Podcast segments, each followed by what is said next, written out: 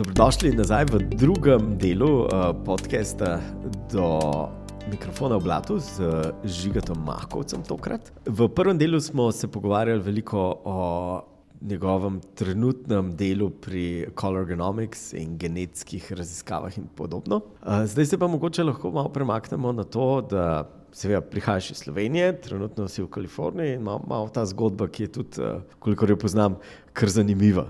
Pa mogoče lahko greva od uh, konca na, za, na začetek. Uh, skratka, trenutno si pri Color Genomics uh, inženir uh, v ekipi, ki, ki je koliko kol je to veliko.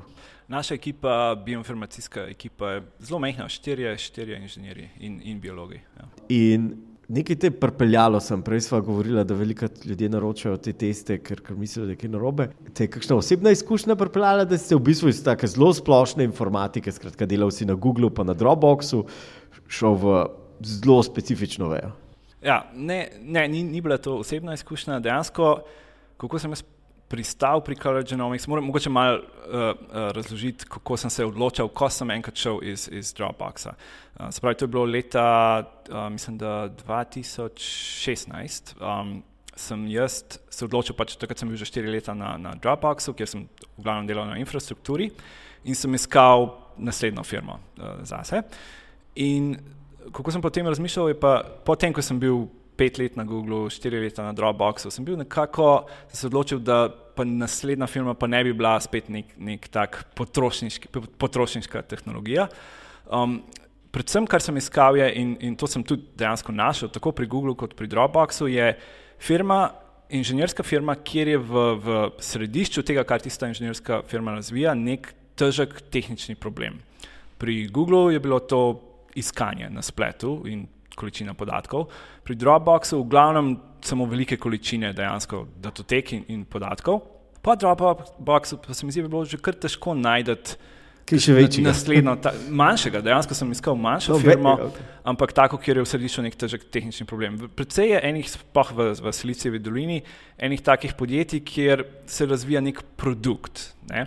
In, in s časoma ko tak, taka firma, tak startup postane uspešen in ima zelo veliko uporabnikov, že samo to postane zanimiv tehnični problem. Recimo Facebook je en tak primer podjetja, kjer se je začelo verjetno z nečem, kar ni najbolj zanimivo, neka spletna aplikacija v PHP-ju, ampak s časoma, ko pa imaš milijarde uporabnikov, pa dejansko začneš reševati težke probleme, kot kako razviti take velike sisteme, kako sprocesirati tako veliko količino slik in tako naprej. Ne? In se dejansko razvija precej neke infrastrukture.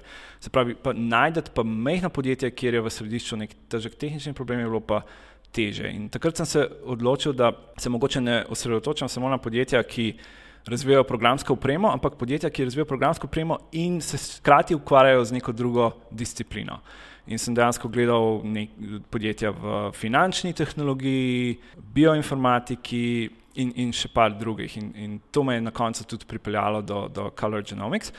Predvsem pa, uh, v bistvu, mečkanje je bilo pa tudi na ključe tukaj. Jaz sem um, en od ustanoviteljev Color Genomics, je, je en gospod po imenu Elad Gill ki je zelo znan v Silicijevi dolini, tudi investitor, um, ima zelo dober blog. Um, če vas o tem zanima, eladgel.com, predvsej piše o razvoju startupov v, v Silicijevi dolini in, in investicijah. Sam je tudi investiral že zelo zgodaj v Airbnb, Pinterest in Stripe, tako da si lahko predstavljate, da, da ima kar do, dober. Dober nos za, za različne firme. Tako da jaz sem prek eh, skupnih prijateljev pač, se pač z njim povezal In um, sem se hotel z njim dobiti, zato da bi mi on malo svetoval, katere so zanimive, uh, zanimive podjetja za me, da, da, da malo raziskujem. In ko se pa z njim dejansko dobim, mi pa on ni svetoval niti enega podjetja, ampak namesto tega zelo, zelo močno svetoval, da se pridružim njegovemu podjetju, ki pa je bilo Color Genomics. V bistvu, takrat se sploh nisem vedel, da se on s tem ukvarja. Mi je pa bil za dosti zanimiv, da sem potem malo več začel raziskovati to področje. Do takrat nisem prav nič vedel o biologiji ali pa DNA sekvenciranju, razen srednješolskega znanja iz, iz Bežgrada. In sem tako začel malo bolj raziskovati in sem videl, da veliko teh problemov, o katerih smo se pogovarjali na začetku, da so dejansko to zelo zanimivi inženirski problemi in da en način, kako se več naučiti o nekem področju, je, da greš v področje, o katerem ne veš čisto nič. In, in v biologiji se mi zdi, da že samo zaradi tega, ker bi se moral toliko naučiti, bi bilo to zanimivo, zanimivo področje za me. Tako da sem se na koncu odločil, predvsem zaradi njega in tudi zaradi tima, ki sem ga pol kasneje tudi spoznal, da bi bil to uh, pravi korak za me po, po Dropboxu. Podjetje je locirano ne v San Franciscu, ampak malo južneje? Malce južneje, ja, v, v Burlingamu, um, ki je v bistvu tam na, na polotoku San Francisca, niti ne še na jugu, kjer so te firme kot uh, Google in Facebook. Tisto področje je pa se mi zdi nekako center te bioinformatike v, v San Franciscu. Tudi Genentech, recimo ena večjih firm, um, ki, ki je na tem področju. Tako da smo tam locirani. Se zelo poklastra, tudi že, že pod, pod fildi se poklastrajo geografsko. Dejansko, ja. Dobro, živiš pa v, v San Franciscu, tja, čez, tja si že nekaj let prej prišel, prej si bil na Dropboxu, kar nekaj let. Mogoče kaj si, kaj si tam počel, Dropbox, ugibam, da je, da je mislim, da že ne tisoč ljudi. Dropbox je že precej velika firma, ja, verjetno čez tisoč ljudi. Um, in, in na Dropbox sem šel po, po Googlu, v glavnem sem se ukvarjal tam z, z infrastrukturo, se pravi dejansko strežniško programsko upremo, kjer smo razvijali vse to, kar omogoča to, kar Dropbox je. Verjetno ga veliko ljudi tu pozna. Um, dejansko smo razvili te datotečne sisteme, katerimi, ki, ki omogočajo to, da v bistvu de, uh, Dropbox prenaša vse te datoteke preko, preko različnih sistemov. Ti si tam, če, čeprav vem, bil performance timov? Oziroma? Na Dropboxu sem v glavnem menedžeriral različne tehnične time v infrastrukturi. En od teh timov je bil tudi performance team, ki se je ukvarjal v glavnem z, z performancami Dropboxa, sem se pa precej razvijal tudi, ukvarjal z, z kot sem omenil, datotečnimi sistemi, pa, pa omrežji tudi na Dropboxu. In to je vse nekako povezano, kar se tiče performance. Predvsej projektov, s katerimi smo se ukvarjali, je šlo za to, kako recimo ta program Dropbox klient, ki, ki, ki teče na, na vsakem računalniku, kako lahko čim hitreje prenaša velike količine podatkov gor in dol. Kot si lahko predstavljate. To je pa tuning, ok. Eh, predvsej je bilo omrežja, paralelizacije, um, pa predvsej tudi že sama infrastruktura in datotečni centri Dropboxa, kako razporediti vse te podatke po svetu, zato da delujejo hitro, ne samo za američane, kjer načeloma so, so uh, datatečni oziroma um, uh, data centri, ampak po celem svetu. In to je bil recimo zanimiv problem, bil, kako zagotoviti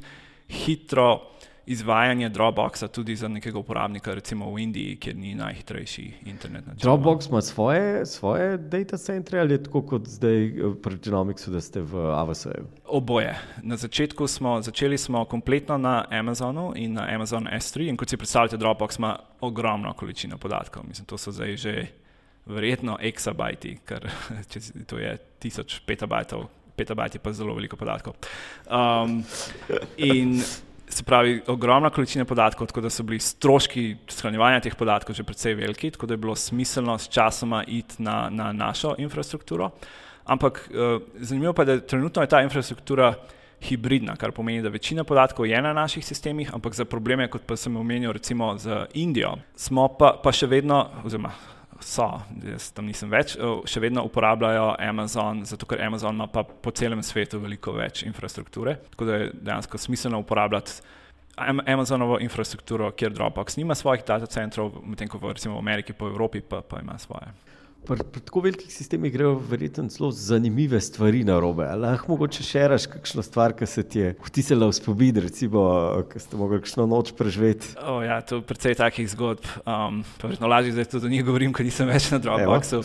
Ja, zato, ker sem bil na infrastrukturi, na, na, na tej strežniški skupini, smo mi bili v bistvu zadolženi za to, da Dropbox laufa, da dejansko smo imeli tiste pagerje in če šlo karkoli na robe smo, um, smo mi ponovadi intervenirali in, in, in rešili tiste podatke.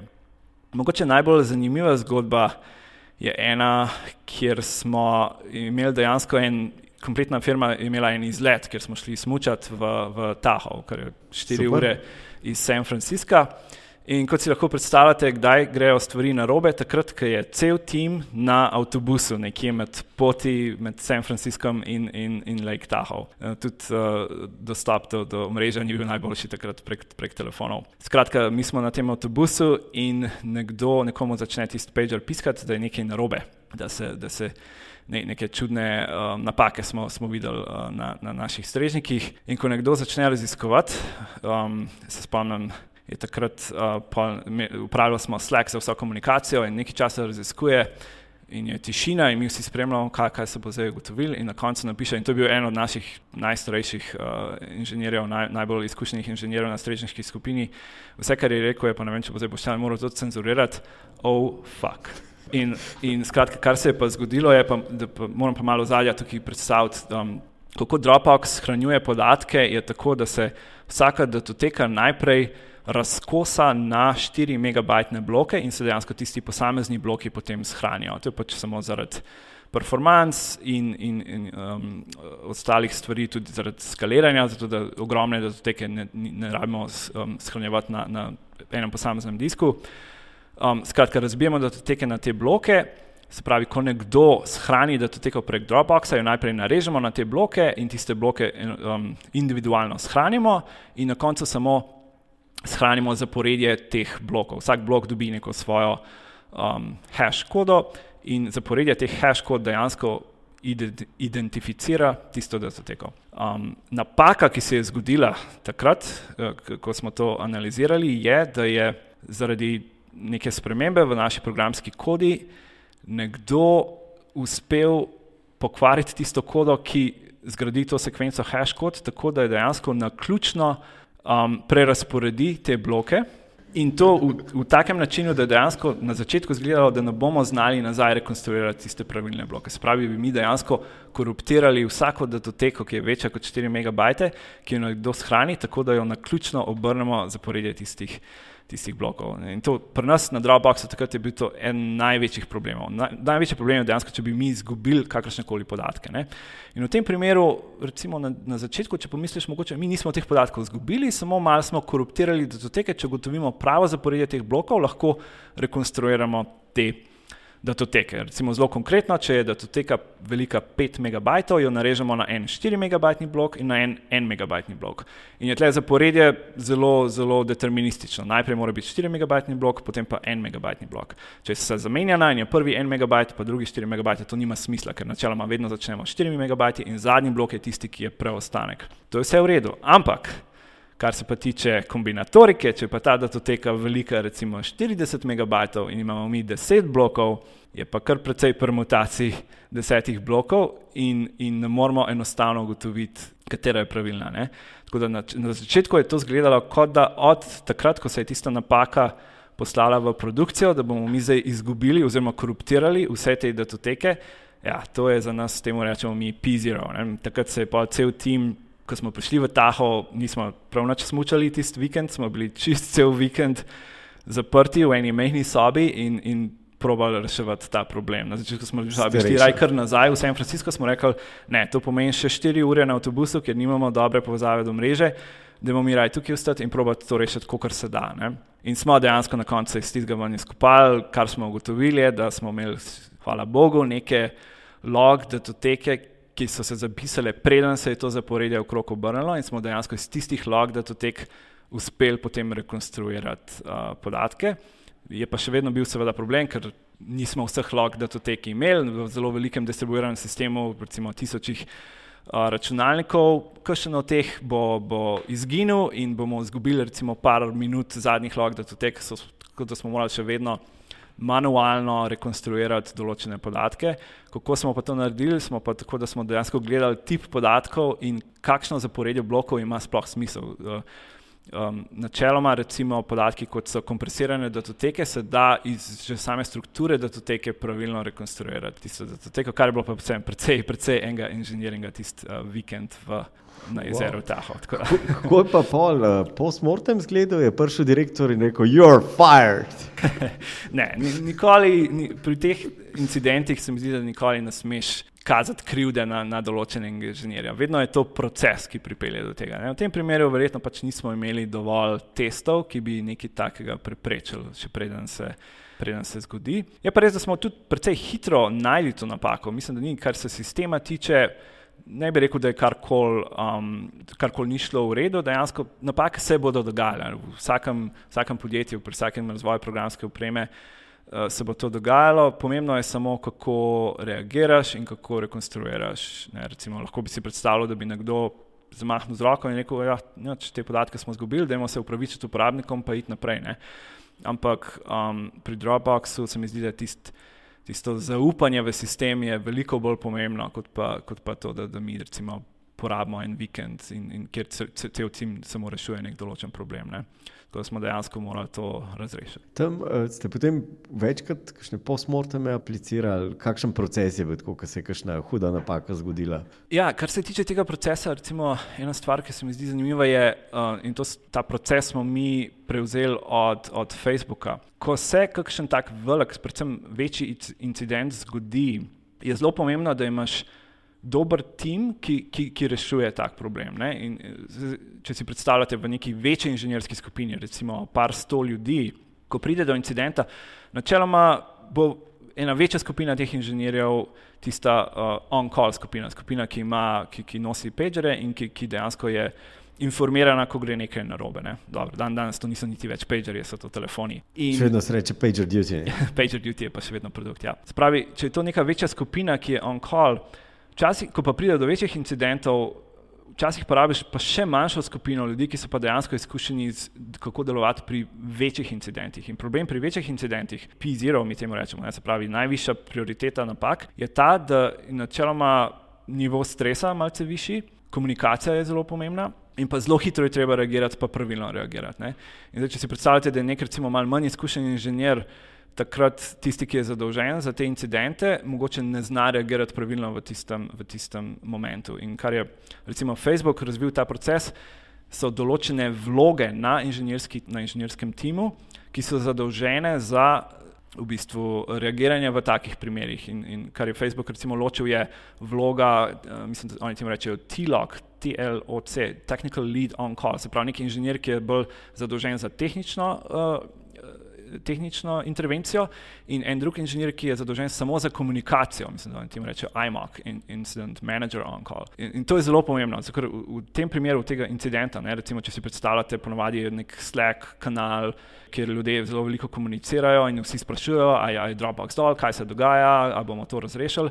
In če si ti tisti inženir, ki dejansko rešuje ta problem, nimaš časa se s tem ukvarjati, vsem sporočati, kaj se dogaja, se hočeš samo fokusirati na, kaj je treba narediti, kdo bo to delal in, in kako hitro se lahko iz tega rešimo. Nekdo drug pa je tisti, ki te dejansko varuje pred vsemi ostalimi motečimi elementi, ne, raznimi marketing ali vem, CEO-ji, šefi, ki, ki ti dihajo za, za vratnik. Um, ta, ta proces se mi, se mi je zdel zelo zanimiv pomemben del tega procesa je, kdaj proglasiš tak incident, kjer, kjer se ta tim potem mora dejansko poklicati in intervenirati. Ne. Ti si eh, na Dropboxu v bistvu bil menedžer teh timov, pa hkrati očitno ostal zelo globok v, v samem inženiringu. To je kar težko. Je, dejansko ni. Ni dovolj časa v 24 urah, eh, da, da bi dobro upravljal obe te funkciji. Dropbox je imel pač tak princip. Delal sem v različnih podjetjih in različne podjetja imajo različne principe glede managementa. Ja, ne bojo to tehnični ljudje, ki so še vedno zelo globoko v, v blatu. Um, ali, ali bi morali biti to ljudje, ki, ki se izključno fokusirajo na, na razvoj uh, svojega tima in, in rekrutinga in, in ostale zadeve. Pri Dropboxu smo, smo imeli nekako še vedno tehnične um, menedžerje. Ne. Je pa res tudi, da sam sem ugotovil na koncu, da veliko bolj uživam v, v tem tehničnem delu in, in razvoju programske opreme. In zato sem tudi s časom nehal menedžerirati time in šel nazaj na Color Genomics, kompletno kot, kot um, razvojnik ker dejansko, kot sem omenil, ne, za dobrega menedžera mislim, da je zelo pomembno, da zelo veliko časa porabiš s svojim timom in enostavno nimaš časa se ukvarjati s programsko opremo in, in z razvojem programske opreme. Je pa mislim, da vsem pomembno, pa, da vsaj razumeš tehnologijo ne, in da se lahko pogovarjaš s svojim timom, kot ti recimo reče, da bo pa ta zadeva pa trajala en mesec, da jo razvijamo. Ne, in moraš vsaj dovolj poznati, da lahko rečeš, hm, meni se pa zdi, da bi vi tole lahko v dveh tednih skodirali. Recimo, če si zadolžen za, za, za načrtovanje enega, enega projekta. Mogoče še kakšne dobre, v bistvu, menedžerske, tehnične menedžerske prakse, ki, ki si jih videl tam, pa bi jih mogoče mogli voziti v Slovenijo, ker v Sloveniji si tudi uh, veliko zanimivih stvari videl. Se malo spomnim iz, iz Dropboxa. Um, število ljudi, ki jih nek menedžer uh, nadzoruje, se mi zdi, mora biti omejeno. Dejansko, kar sem samo opazil, je, da po recimo šestih, sedmih, osmih ljudeh je že zelo težko menedžerirati večji tim, razen če je dejansko zdaj neka, neka organizacija in drevo uh, organizacije. Vem, da proti koncu moje menedžerske kariere na Dropboxu sem imel mogoče 16 ljudi in je bilo že dejansko zelo težko spremljati, kaj se dogaja. In če imel recimo nekdo nek problem, se osredotočiti na, na, um, na, na tisti problem in na, na tistega človeka. Ne. Ker to tudi pomeni, pa, da si zadolžen za veliko več projektov in je zelo težko. Eh, časovno to vse skupaj uskladiti. In, in te procesi, ki jih vidiš recimo na Dropboxu, so ponovadi zelo podobni tistim procesom, ki jih vidiš na Facebooku ali Googlu. Dejansko Silicijeva dolina ima nek način, kako organizirati inženirske time in večina podjetij dejansko samo prevzame ta isti način. In zanimivo je recimo ta performance review proces, se pravi dejansko ocenjevanje uh, tvojih, tvojih sodelavcev in menedžerjev in ostalih ljudi, s katerimi delaš, ki je načeloma proces, ki se izvaja ponovadi vsakih šest mesecev in je cilj ta, da se ljudje malo delijo dejansko uh, feedback med, med sabo in, in si sporočajo, recimo, kako se njim zdi, kaj so prednosti nekega inženirja, pa tudi kaj so področja, na katerem bi se ta inženir lahko izboljšal. In kar se mi je zdelo zanimivo, tako pri Googlu kot pri Dropboxu, je, da je bil to kompletno odprt sistem. Recimo, se mi zdi nekaj takega, kar tega vsaj prej v Sloveniji nisem videl in, in se mi zdi, da predvsej ljudi, s katerimi sem se pogovarjal v Sloveniji, se mi zdi to težko. Kako, Kaj je to odprt sistem? Odprt sistem, kar pomeni, da če jaz pišem o nekomu, recimo nekomu pripravim ta, to poročilo o, o, o performancah, bom dejansko, bo on videl kompletno vse v tem, kar sem jaz napisal, kaj se meni zdi, da so njegove močne točke, pa kaj se meni zdi, da so področja, na katerem bi lahko bil boljši. In, in moraš biti zelo iskren. Se pravi, hočeš reči od sodelavcev, pa podrejenih, pa nadrejenih? Vseh, vsi, vse je odprto. Se pravi, kot da bi se jaz dejansko ena na ena z nekom pogovarjal in mu rekel, meni se pa zdi, da ti nisi dober pri tem, da bi ti, ti pa bi lahko boljš delal tole. Ali pa tudi na drugi strani se mi pa zdi, da si pa zelo močen na tem drugem področju. Ne? Precej iskrenosti in zahteva precej tudi, se mi zdi, časa za to, da, da, da dejansko dober feedback nekomu pripraviš. Ampak se mi zdi ta odprtost in, in iskrenost je dejansko zelo, zelo močna. Na koncu, ko, ko vidiš ti ta feedback, predvsem, recimo, če se z več sodelavci pogovarjaš, pa vidiš, da je nek da je nek vzorec tam, da se vsi strinjajo s tem, da recimo sam nimam najboljših komunikacijskih sposobnosti. Se mi zdi, da je to veliko močneje, kot pa če meni samo moj menedžer reče, meni se pa zdi, da bi ti moral malo boljš na tem področju delati. Recimo, je pa težko, ker dejansko pa zahteva to, da, da so ljudje dejansko iskreni in da, da si povejo eh, stvari tako, kot so, namesto da pa neki hočejo malo, ne vem, recimo pa mogoče ne bom slabe stvari pisal o njemu, ker potem bo pa on ali pa ona o meni pisala slabe stvari. Recimo, okay. O teh stvarih bi se bilo zanimivo še pogovarjati, ampak moramo priti počasi do konca podcasta. Dejva še malo obdelati pred Dropboxom. Si bil kar nekaj let na Googlu. Tam, če se ne motim, si bil v search timu, se pravi v tej core dejavnosti. Tako, ja. No, Lepo, mogoče lahko začnemo z v bistvu začetkom moje, moje kariere, kako sem sploh pristal na, na, v San Franciscu. Um, jaz sem diplomiral na FRIU leta, to je zdaj že dolga zgodovina, 2003. Um, se upisal še na magisterij, nekaj časa delal v Sloveniji, um, smo ustanovili eno podjetje Klika, fanti še vedno lafajo tisto. Zdaj se imenuje Sportrada. Zdaj, zdaj so Sportrada, ja. In potem leta 2000 sedem, uh, sem se takrat ukvarjal z enim odprtokodnim projektom uh, Bootchart, ki je v bistvu bil en projekt analize zagonskega procesa Linux operacijskih sistemov. In uh, dejansko so na Googlu, mislim, da Android team to uporabljali pri, pri razvoju, tako da so me takrat uh, kontaktirali in, so, in jih je zanimalo, če bi bil jaz zainteresiran. Intervjuvati na, na Googlu za, za, za službo. In takrat se spomnim, leta 2007 um, je imel Google še zelo, zelo tako se mi zdi, da je tako zanimiva firma in nekaj takega, kot bi tudi rad sam videl, kako ta, ta intervju proces sploh deluje. Ko sem takrat šel v Kalifornijo, tam intervjuval. Na začetku šel tako, kot jaz ne bi sicer se preselil v Ameriko, jaz hočem ostati, imam fajn, v Ljubljani je super živeti, imeli smo fajn firmo, fajn uh, ekipo na kliki, ampak bi pa šel pogledat. Nisem bil še na, v Mountain View in nisem videl te, tega, teh headquartersov od, od Google. Um, turizem si se šel skrbeti. Turizem v bistvu, ja. Oziroma, takrat mislim, da se spomnim, da smo se pogovarjali s fanti na, na kliki, smo celo mislili, da bi to neka, neka biznis priložnost lahko vladal. Mi smo tja raje ja, prodajali outsource zadeve ali pa to Google, recimo. Ja, mi smo predvsej tega delali z drugimi firmami v Ameriki. Ampak vseeno, ko sem pa tja prišel, pa videl Google in, in tisti ljudje, s katerimi sem se pogovarjal, se kar odločil, da, da bi bilo pa to tudi za me. Ampak sem rekel na začetku, ne bom se pa preselil v Ameriko, ker hočem biti vseeno malo bližji prijateljem, pa družini tukaj, tako sem rekel, bom delal v, v Cirihu, Švici. v Švici, ker, ker je imel Google tudi velik, uh, veliko ekipo tam. In so rekli tisti rekruterji takrat na Google, so rekli, ok, lahko greš v Cirih, ampak pridite vsaj za eno leto pa v Mountain View, tukaj je, tukaj je naš, naš center, naš headquarters. Boš videl, kako stvari potekajo na Googlu, potem se pa lahko čez eno leto preseliš v Cirih. In seveda so vedeli, kaj so delali, ker sem se jaz pa preselil v San Francisco, tiste Cirih ekipe nikoli nisem videl, sem ostal od takrat, se pravi, že skoraj 11 let v, v San Franciscu. E, tukaj je en moment, e, ti si bil soustanovitelj pri Kliki, se pravi, kot soustanovitelj odločiti se za neko drugo pot. E, kako si to se odločil, kako si komuniciral drugim štirim ali petim? Ja, ta, ta je bila kar težka, ker so res. Um, to niso bili samo moji soustanovitelji, to so bili moji prijatelji vsemi sem še vedno prijatelj in dejansko vidim, zdaj, ko sem v Sloveniji, sem se tudi dobil s parimi. Tako da je bila zelo težka odločitev. Moram reči, da sem se kar nekako počutil, da jih, da jih zapuščam. In, in klika je bila takrat še precej mlada firma in še, še ne, ne uveljavljena, tako kot je danes.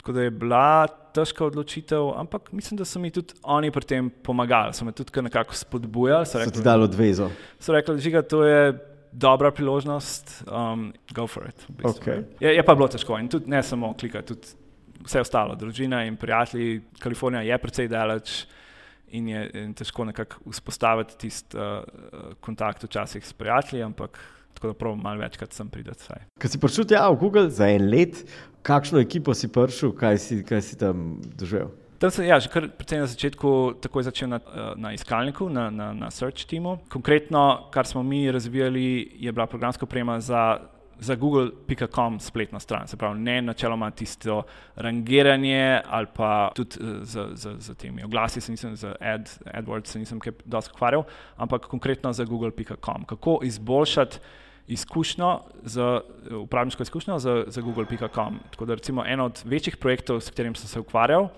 je bil uh, Google Instant, ki smo ga takrat uh, lansirali, mislim, da je to tisti, ki sprot srča. Search as you type, se pravi iskalnik, kjer medtem ko tipkaš v tisti iskalnik na google.com, se rezultati že prikazujejo. Danes mislim, da ni več aktivno, takrat je pa bila to precej velika rekel, revolucija, ena večjih sprememb na google.com strani.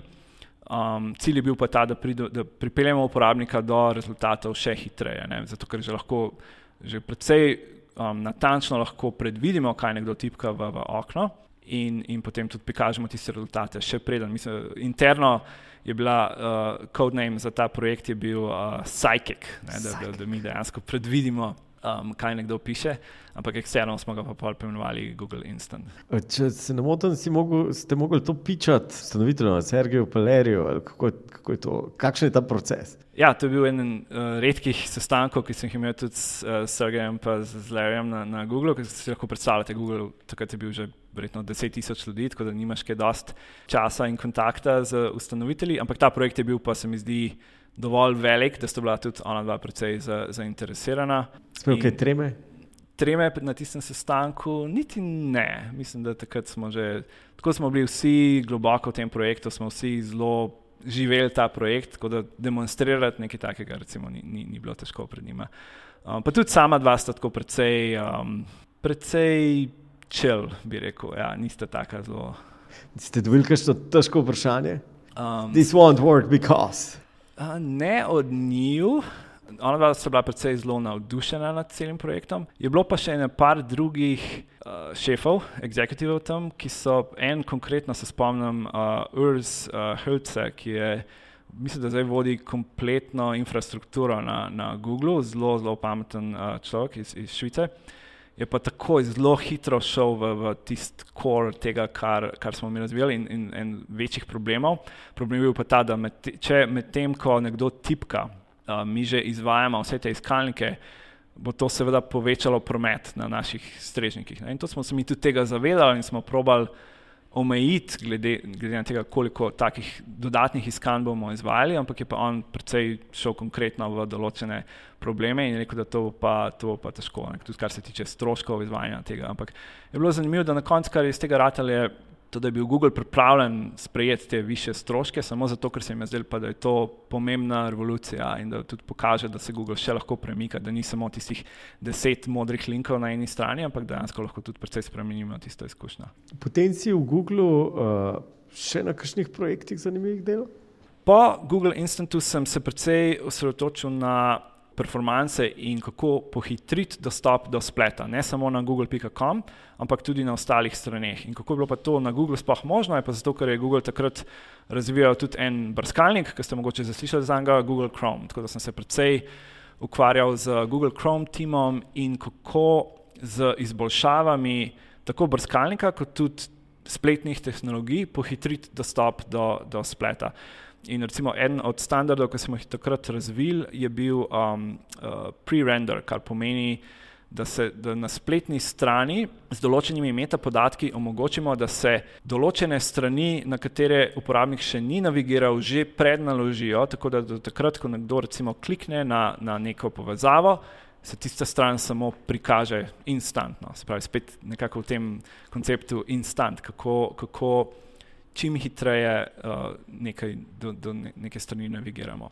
In to je danes dejansko uporabljeno na precej straneh, tudi na google.com, recimo, če nekaj iščete, pa kliknete na prvi link, ponovadi je tista stran že pre-renderana in na tej spremembi sem tudi sam delal. Uh, mogoče še, še mičko na življenju v Google, ti si se kar dober tam znajdel? Življenje na Googlu je bilo zelo, kot si lahko predstavljate, enostavno. Ne? Google zelo lepo skrbi za svoje inženirje, dobra hrana, da nasploh zelo malo časa porabiš za, za stvarmi, ki niso razvoj programske opreme, kar je tudi dejansko njihov cilj. Je pa to danes, se mi zdi, že kar standard v Silicijevi dolini. Seveda, vse to je veliko bolj enostavno, če imajo ta podjetja veliko denarja in Google dejansko ga je imel.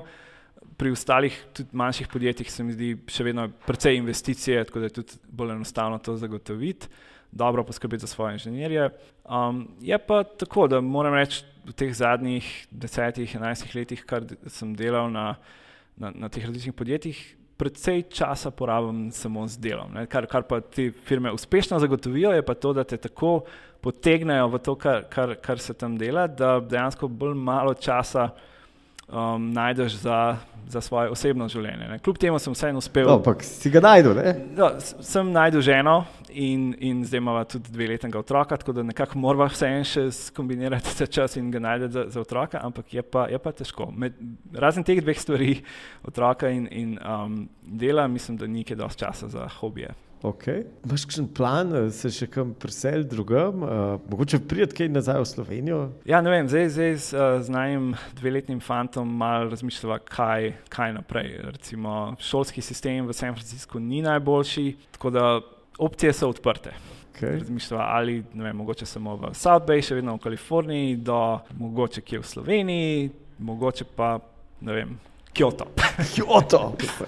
Ja, jaz upam, da te, te bomo še velikokrat videli uh, in slišali na podcestih in drugot. Uh, Imáš mogoče še kakšno zaključno misel?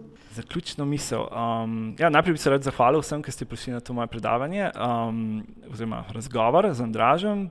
Če pomislim nazaj, okay, mogoče kako glede moje kariere in kako sem se odločil za vse te korake, se smo se malo že o tem pogovarjali. Zelo pomembno je, da pri teh odločitvah, kje delati, na katerem timu, na katerih podjetjih, da se ukvarjaš s stvarmi, ki so ti dejansko zanimive. Tudi če recimo, se ti zdi, da niso načeloma projekti, o katerih imaš dovolj znanja, in v mojem primeru je bila to bioinformatika, če so stvari zanimive, boš. Predvsej več časa pri tem porabil, da se, da se v teh stvarih naučiš, ampak dejansko tudi tisti produkt, ki ga boš produciral, bo veliko boljši, če si dejansko s srcem pri stvari. Tako da, če recimo en tak nasvet, ko se odločite za kariero, ne se odločati glede na denar ali, ali ostale stvari. Ljudje so zelo pomembni, pa to, da ste srcem pri, pri zadevi. Hvala. Hvala, Žiga. Jaz bi se hkrati zahvalil tudi današnji publiki, eh, udeležencem uh, za mantine poletne šole podatkovne znanosti. Tako da hvala.